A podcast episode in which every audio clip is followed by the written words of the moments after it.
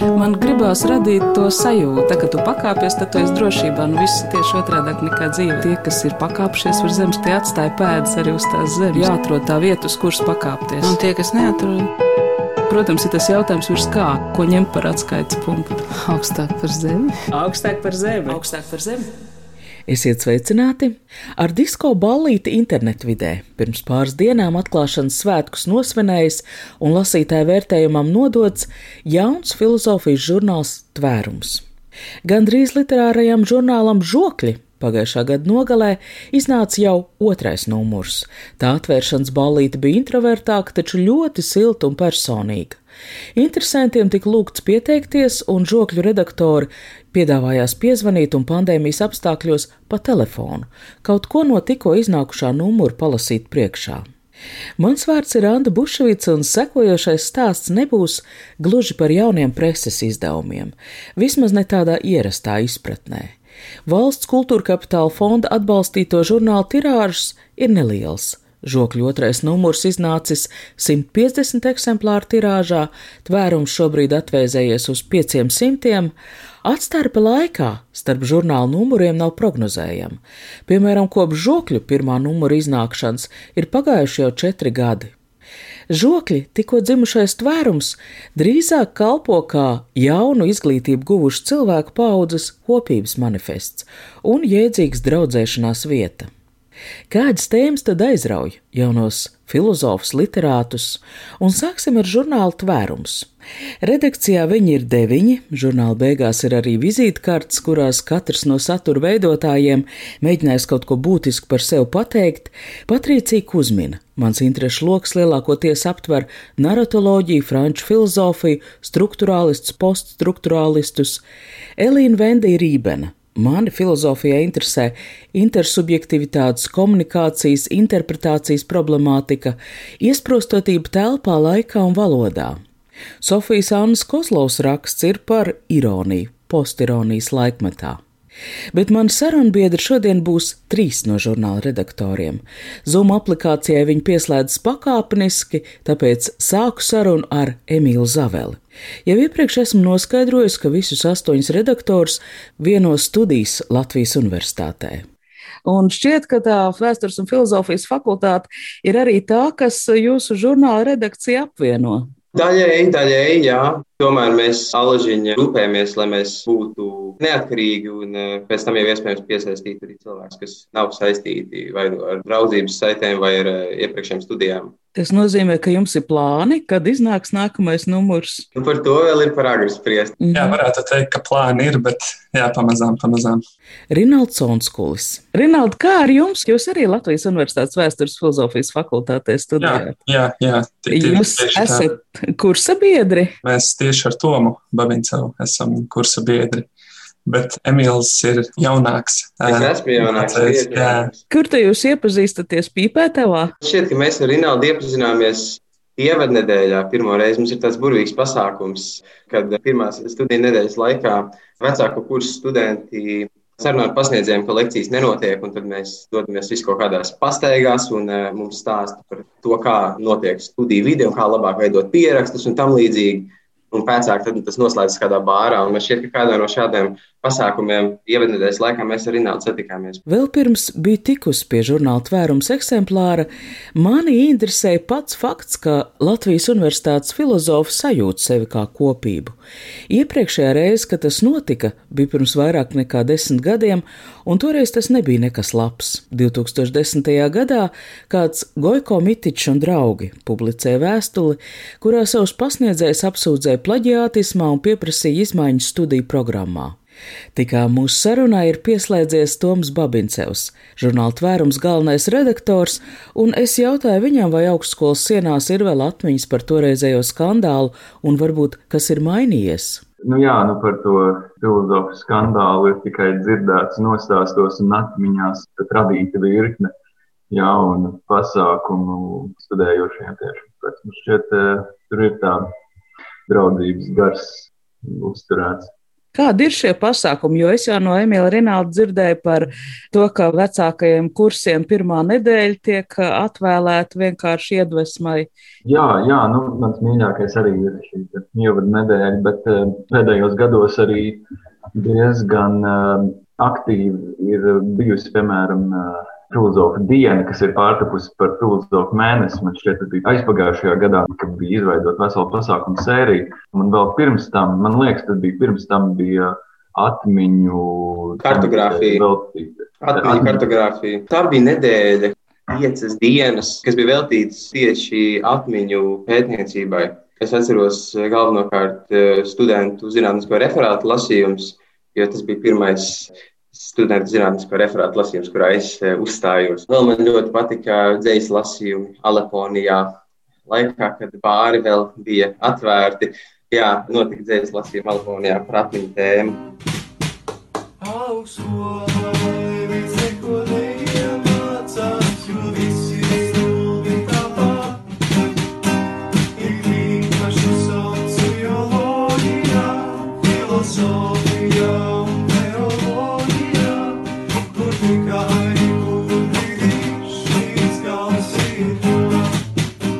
Izpētot savu sarunbiedru sociālo tīklu profilus, es pamanu, ka par fakultātes sienās notiekošo informē kāds fakultātes studentu ordenis.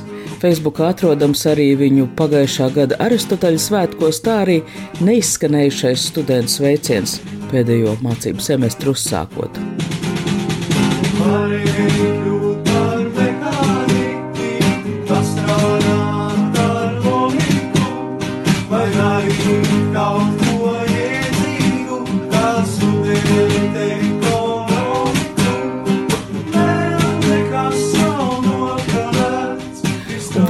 Arī šī kopīgā muzicēšana ir viena no iezīmēm, kas raksturo šo studentu paudzi. Viņa intereses neaprobežojas tikai ar tekstu lasīšanu. Te ir dzēja, mūzika, pirmie mēģinājumi kaut ko radīt publicistikā. Raksti ir ļoti dažādi, gan tematiski, gan to rakstīšanas stils. Jānis Gāņģis stāsta par liktenīgu satikšanos ar kādu Džonu Koltrēna albumu un ko mūzika ir devusi viņam citu zinību apguvē. Starp citu, arī Rūds Bebrišs savā vizītkartē raksta ko līdzīgu.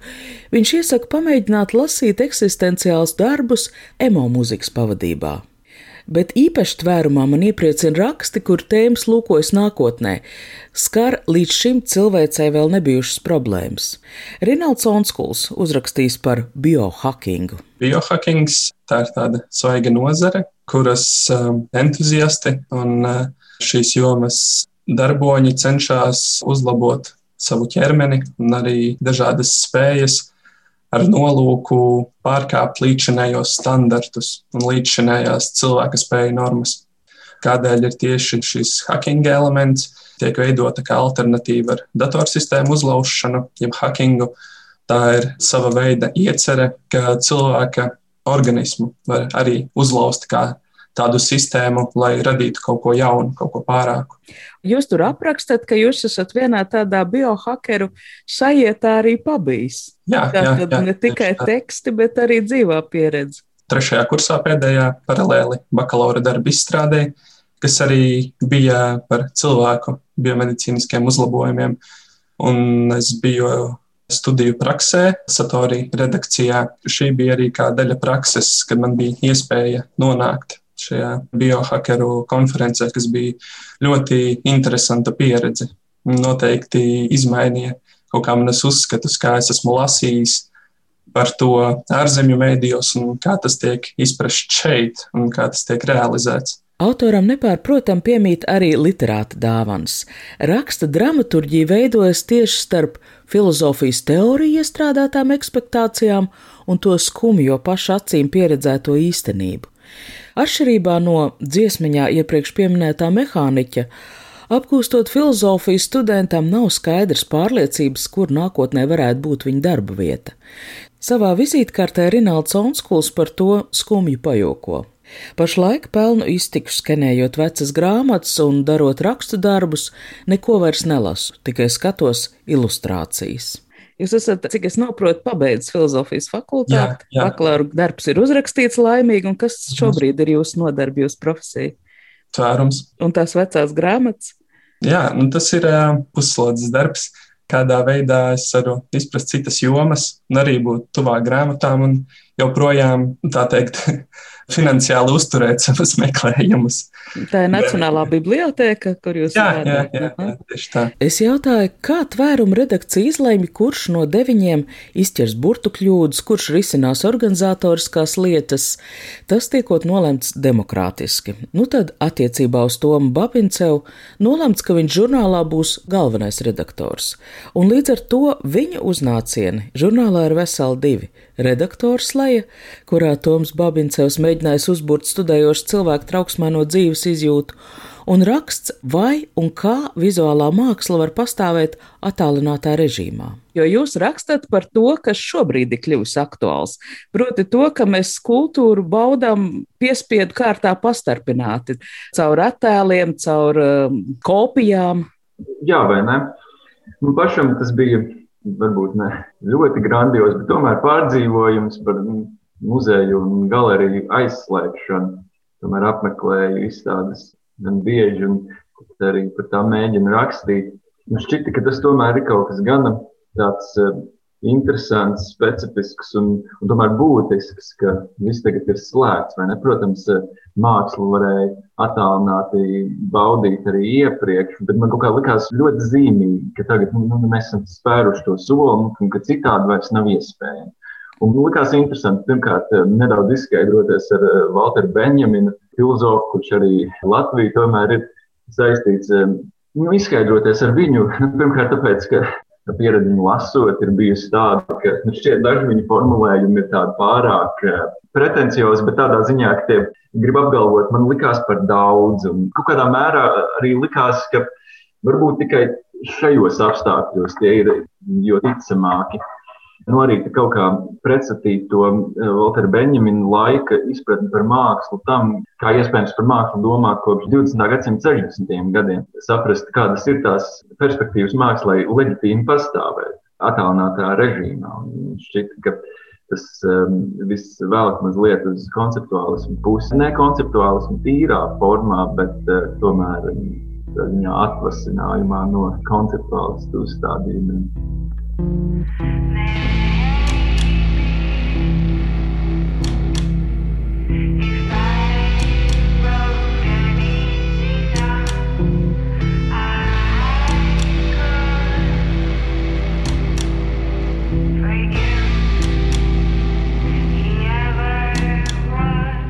Atgriežoties pie iepriekš teiktā par šīs filozofu paudzes plašo interešu loku, sarunā Toms Babincevs saka, ka gaida 16. martu mūzikas ierakstu gada balvu, jo viņš līdzdarbojas grupā Careless Afterlife.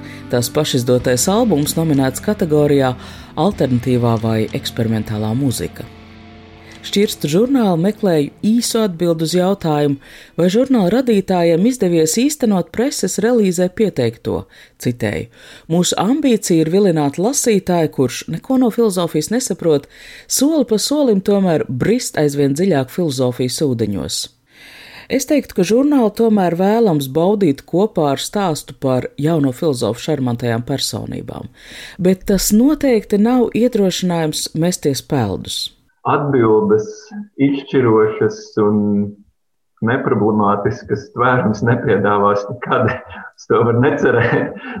Jo man liekas, ka filozofija to nedara, un, un tai man šķiet, tas arī nav jādara. Protams, atbildēšana var notikt, bet uh, man šķiet, cik tālu filozofija sniedz atbildes, tā, nu, tā nav gluži filozofija.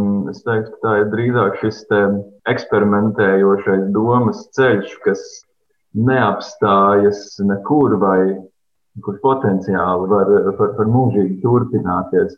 Un, um, nu, es tomēr varētu jautāt, nu jā, bet priekš kam tas, bet nu, atbilde būtu, ka tas ir cilvēkam būtiski. Proti, nu, ka šī prāta dimensija, kas ir spējīgas, to tiek īstenot.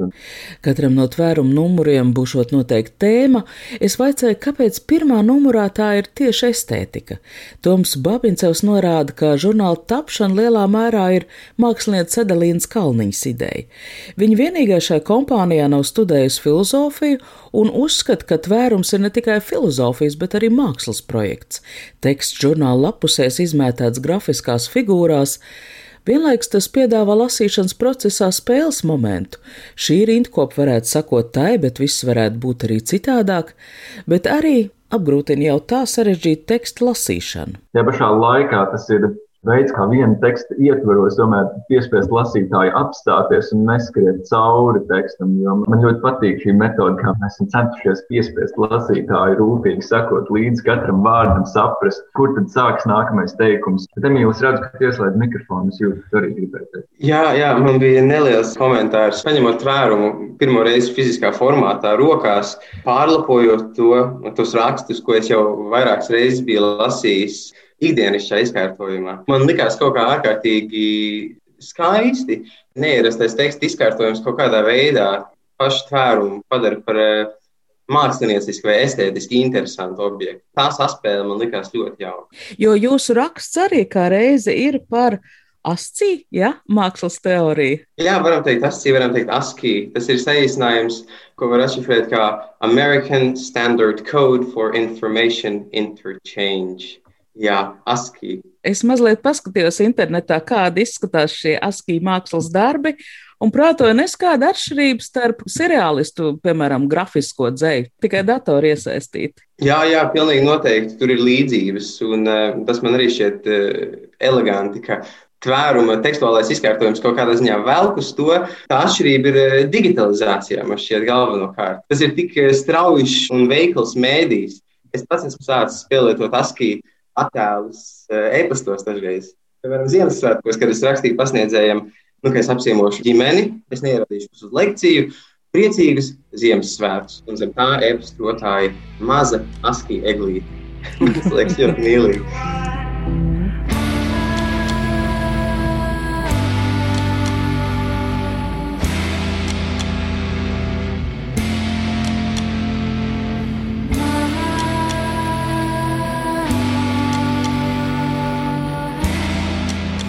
Grafiskā, tikai ne proza, bet dzēja, ir arī gandrīz literārā žurnāla žoklis otrajā numurā. Bet stāsts laikam jāsāk ar atkāpu laikā. 2017. gadā pamanīti un skaļi tika pieteikti veseli divi jauni literatūras un mākslas žurnāli.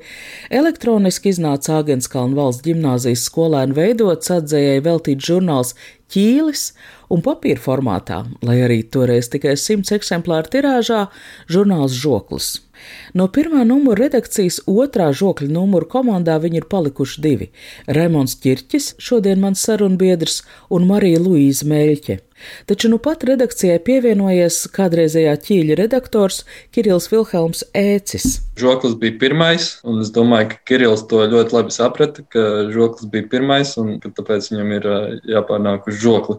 Žokļa otrajā numurā Kirills Ēcis publicējas dzēju, un es nevaru atturēties, tā kā šis dzējols skanēja arī internetu žurnāla Satori lasījumos, aizņemšos pavisam nelielu fragmentu. Kirills Ēcis sekojas šobrīd aktuālajai gatavās dzējas tendencei un pārstrādājas dzējā Latvijas radio raidījumā Krustpunkti dzirdēto autoru lasījumā. Halo! Labdien! Labdien! Es gribēju jums tādu variantu piedāvāt. Jūs saviem kolēģiem nevariet pateikt, lai visi uzreiz nerunā. Jo tāda putra, jūs katrs vārās savā sulā un, un, un rādio par rādio neko nevar dzirdēt un saprast. Piektdienā, vot, kad jūs visi sanākat. Nu, mēs jau cenšamies kontrolēt. No, no reizes reizēm sanāk, kad visi grib izteikties un tad pārklājas. Es jau lūkojos, lai pārāk ilgi tas tā nebūtu un domu varētu uztvert. Halo, labdien, labdien! Sakat, lūdzu, tā. Nu, Ja man tagad vajag aizstāvību, pie kā lai es griežos? Tas ir kādā ziņā aizstāvība, no kā? Nu, lai, lai man ar akmeni nemet virsū. Lai nemet ar akmeni virsū? Jā. Nu, varbūt vajag vienkārši aizsargu kādu bruņu, šito cepuri vai. Kas ir noticis jūs dzīvē pa šiem četriem gadiem? Oi, viss. Viena grāmata iznākusi, izrādē kopā piedalāmies ar Mariju Luīzi. Esam daudz ko izlasījuši, daudz ko pārdomājuši, un tagad jau var nopietni atgriezties pie žokļa. Un kā pievienojās tie, kas ir pievienojušies jūsu redakcijai? Tātad žokļu otrā numura redakcijai pievienojušies Roberts Vilsons, Lauris Veips, un Lauris pievienojas arī mūsu sarunai. Patiesībā es jau biju pirmajā žoklī kā autors. Tā bija taisnība, vai ne, Raimond? Nē, esmu drošs. Tagad paskatīšos. Nē, man liekas, ka tad, gadījumā... tad es tevi vēl nepazinu. Nē, nē, man liekas, ka pazinu gan 16. gadā mēs iepazināmies. Tevis te nav, Laura. Ak, nē, nu, labi. Nu, jebkurā gadījumā, ap to laiku mēs jau bijām iepazinušies, un uh, mums ar Raimondu, ar citu arī mums iznāks kopīga grāmata. Tas arī jāpiemina. Grāmata levitācijas. Tā ir uh, politiskā iro, kā lai to nosauc. Tā nav gluži politiskā satīra, bet tā ir uh, ironija dzējā par Egilu Levitu. 2020. gadā ar savu krājumu kartes dzējā debitēja nevien Raimons Čirķis, togad arī Laurim Veipam iznāca pirmais dzējas krājums Interesantās dienas. Es esmu klasiķis, klasiskā filoloģija. Maģistrantūru beidzis. Tagad patiesībā es mēģinu pieķert arī filozofiju. Es iestājos maģistratūrā arī tur. Lasu grieķus, lēnām tulkoju Ovidiju, bija metamorfozes desmito grāmatu. Būs laikam arī nākamajā žoklī fragments. Tūkotājs esmu. Bet Jā. es tik smalki izjautāju par to, kur un kā jūs satikāties, tāpēc, ka man liekas, ka šajā gadījumā, žokļa gadījumā, mēs nevaram runāt par kādu preses izdevumu, kas iznāk regulāri, bet drīzāk kā tādu platformu, nu tādu veidu, kā draudzēties, kā iedzīgi pavadīt laiku. Nu jā, par to regularitāti jāpiebilst, nu, ka mēs tomēr šobrīd esam atdzīvojušies ar mērķi uzkāpt uz regulārām sliedēm un, un darīt to nu, puslīdz cikliski un mērķiecīgi. Bet jā, mums ir svarīgi arī šis kopā būšanas aspekts, un tāpēc arī mēs esam nu, salīdzinoši plaša tā redakcija, tieši tāpēc, ka mēs esam domu biedri, laika biedri, kuri, kuri spēj kopā darīt mūsuprāt, vērtīgas lietas. Redaktors, lai jūs esat veltījuši Jānim Taurenim. Jā. Jūs pasniedzējis kāds sakars? Pasniedzējis īslaicīgi viņš bija man, neoficiāli. Un Marijai Luīzai arī viņš eh, neilgu laiku pasniedza filozofiju Mākslas akadēmijā, bet mēs vienkārši ļoti cienām Jāni Taureni par viņa veikumu konceptuālās mākslas aktīvā ienešanā un uh, pētniecībā, un, un vispār uh, Jānis Taurens kā persona mums ir uh, tuvs un svarīgs, ja pat viņš to nenojauš. Uh, Kas būtu tā galējā robeža? Nu, tad, kad mums ir, jā, nu, plika lapa, tas jau tāds minimālisms. Balts audeklis, ko daži gleznotāji visu to savu karjeru tikai balto krāsu izmantoja. Protams, tad, kad ir sasniegts tāda galējā robeža, tad nu, tas tā vizuālais moments atgriežas. Bet tie jautājumi, kas ir uzstādīti, viņi vairs nav aizmirstami. Tagad kāds atkal var, protams, ņemt krāsu un gleznot. Bet nu, tā glezniecības vieta un kāpēc viņš to izvēlas, tas viņam kaut kādā ziņā par to jādomā. No tā nevar izvairīties. Eh, nu, tas tāpat kā mēs nevaram vairs tādā dzīvot romantiskā noskaņā, jā, un, un, un, un domāt par bālajiem, sapņotajiem zēniem un, un zilajām tālēm. Kāpēc nevaram? Eh, nu, tāpēc, ka tas ir kičs Okay. Filozofs Jānis Taurens, grāmatā iznākušā pētījuma Konceptuālisms Latvijā domāšanas priekšnosacījumu autors. Skanējušais bija fragments no intervijas Latvijas Rādio 5 saruna ar Annu Platpīri. Žurnāla žokļi redakcijas slēgā valda patiesi ielūdzoša noskaņa. Tās autori velta sleju Jānim Taurenim atsaucas uz pirmās Latvijas valsts modernistu žurnāliem Zaļā vārna, trauksmes signāls, vēl viens atslēgvārds ir prēļi. Kas tur ir ar tiem prēļiem? Nu, joprojām aktīvs un dzīves un mutuļojošs ir prēļu konceptuālistu grupējums, kurš šad tad šur tur šo to izdara, parādās un sporādiski aktualizējas. Bet žoklis nav prēļu konceptuālistu oficiālais izdevums katrā ziņā redakcijas slēgā konkrēti prēļi parādās tāpēc, ka šajā numurā Annas Belkovskas teksts par prēļiem, bet arī šo slēju sarakstīju atceļā no prēļiem, kur mēs filmējām literatūras raidījumu kur darbojās Einārs Pelšs un, un daži citi, bet nu, šis raidījums vēl nav iznācis. Nākamais, kuru žurnāla veidotāji ir ielūguši, ir Antonēns Arto, starpkaru laika franču kultūrai piederīgs rakstnieks, dzēnieks, aktieris, režisors, personība, kuras vārds periodiski ir aktualizējies Latvijas kultūrā. Antonēna ar to cietsirdīgā teātra idejas saskatāms Alvi Hermaņa režisētajā Marķīzē de Sadā, izcils rakstus ar to personībai veltījis Normunds Naumanis, žokļu otro numuru caurvīja Laura Veipa tulkotā Antonēna ar to sarakste ar franču literārā žurnāla redaktoru Žaku Rivjēru. Tas ir Antonēns ar to vēl pirms Antonēna ar to laikā, kad viņš vēl nav necietsirdīgā teātra manifesta autors, praktiski nepazīstams autors, jo šīs vēstules paradoxālā kārtā nevis dzēja, ko viņš žurnālam iesniedz, ir viņa pirmā publikācija, cik es saprotu. Jā, tas šķiet ir, bet, nu, protams, tur jau var redzēt Antonēna ar to, teiksim, tā aizmetņus, arī nu, mentālās problēmas, ar kurām viņš cīnījās visu mūžu un neuzvarēja. Tas, man liekas, bija brīnišķīgs teksts, ar kuru atsākt vai nu, sākt žokli tieši tāpēc, ka tur ir tā saruna starp autoru kurš vēl tikai uh, cīnās par savu, kā viņš saka, literāro eksistenci.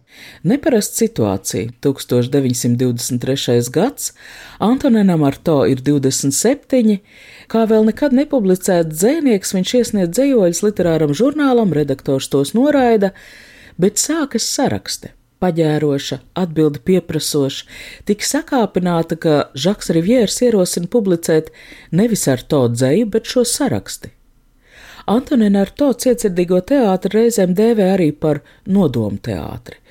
Proti, nodoms rakstīt dzēju var būt tikpat spēcīgs vai konkrētajā ar to gadījumā pat spēcīgāks nekā pati dzēja. Es atceros, es lasīju tās Laura tulkotās vēstules, un es jautāju Laurim, vai nevajadzētu arī kādu atzējojumu pievienot, nu, lai mēs saprastu, par ko tur ir tā runa. Īstenībā bija ļoti grūti arī atrast tos dzējoļus eh, internetā, un Lauris jau man brīdināja, ka tie ir tādi ļoti viduvēji. Un tad, kad es beidzot kādu tur atradu, daudzās dažādās versijās, nu, tad es sapratu Rivjēra apsvērumus, tos neiekļaut savā žurnālā. Šai žurnāla numurā ir arī viena lapa, kas ir veltīta atbildes par iesniegtajiem materiāliem. Tā ir fikcija? Jā, tā, protams, ir pilnīgi fikcija. Bet jūs eh, sekojat, varētu teikt, žanra nosacījumiem. To toņkārtu, ko uzdod Antonēna ar to vēstules saraksta redakciju. Tā ir viena saikne šīm atbildēm, bet otra ir tāda, ka nu, vismaz es nācu žokļa sakarā ar vīziju, ka mums vajadzētu puslīdz regulāri un dažādos veidos atsaukties uz dažādiem starpkara periodu latviešu modernistu žurnāliem. Un, uh, viņiem uh, visiem kā vienam ir uh, ļoti negantas un, uh, un tādas skarbas atbildes autoriem, kur viņi uh, vai nu kodolīgi, vai nu izvērsti izkritizē dažādu mūsdienās jau ļoti slavenu autoru vai pilnībā aizmirstu autoru dzējoļus. Un uh, dažādi viņus izcengājot. Tur ir arī kaut kas no personīgās pieredzes. Jūs esat saņēmuši kādreiz no redakcijas nu, tādu oficiālu atteikumu. Man liekas, ka mūsdienās lielākoties neviens vairs neatbild un nekādi nereaģē, ja ir nolēmuši, ka šie teksti nav publicējami. Nezinu, varbūt Laurim ir cita pieredze. Mēs paši tikko atbildējām vienam autoram. Neapstiprinoši. Es atceros, pirmo reizi, kad es kaut kur sūtīju tekstus, kad man bija kaut kādi, nezinu, 16, 17 gadi. Es atceros vārds vārdā to atbildi. No kā viņa bija? Labdien! Jūsu tekstos iespējams ir literārais potenciāls, taču tādā gadījumā nesat to realizējuši.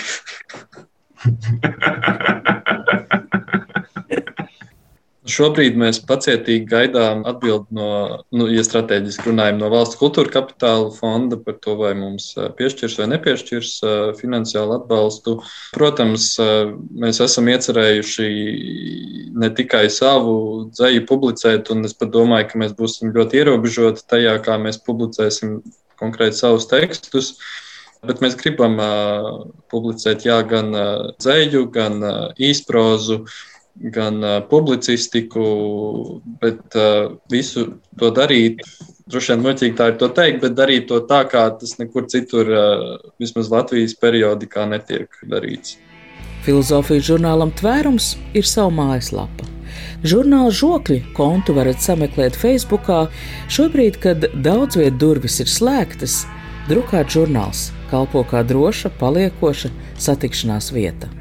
Šajā redzījumā ar žurnāla tvērums redaktoriem Emīlu Zaveli, Rinaldu Onskulu, Tomu Babincevu, žokļu veidotājiem Raimondu Čirķi un Lauru Veipu sarunājās Anda Bušvica.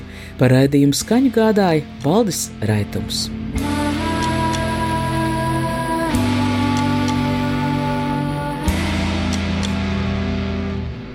Tā kā tu pakāpies, tad tu esi drošībā. Nu, viss ir tieši otrādi nekā dzīve. Tas ir tā spēle, jā. Tie, kas ir pakāpšies virs zemes, tie atstāja pēdas arī uz tās zemes. Protams, ir tas jautājums, ko ņemt par atskaites punktu. Nē, nu, principā ir skaidrs, augstāk par zemi. Jāatrod tā vieta, uz kuras pakāpties. Augstāk par zemi. Augstāk par zemi. Augstāk par zemi.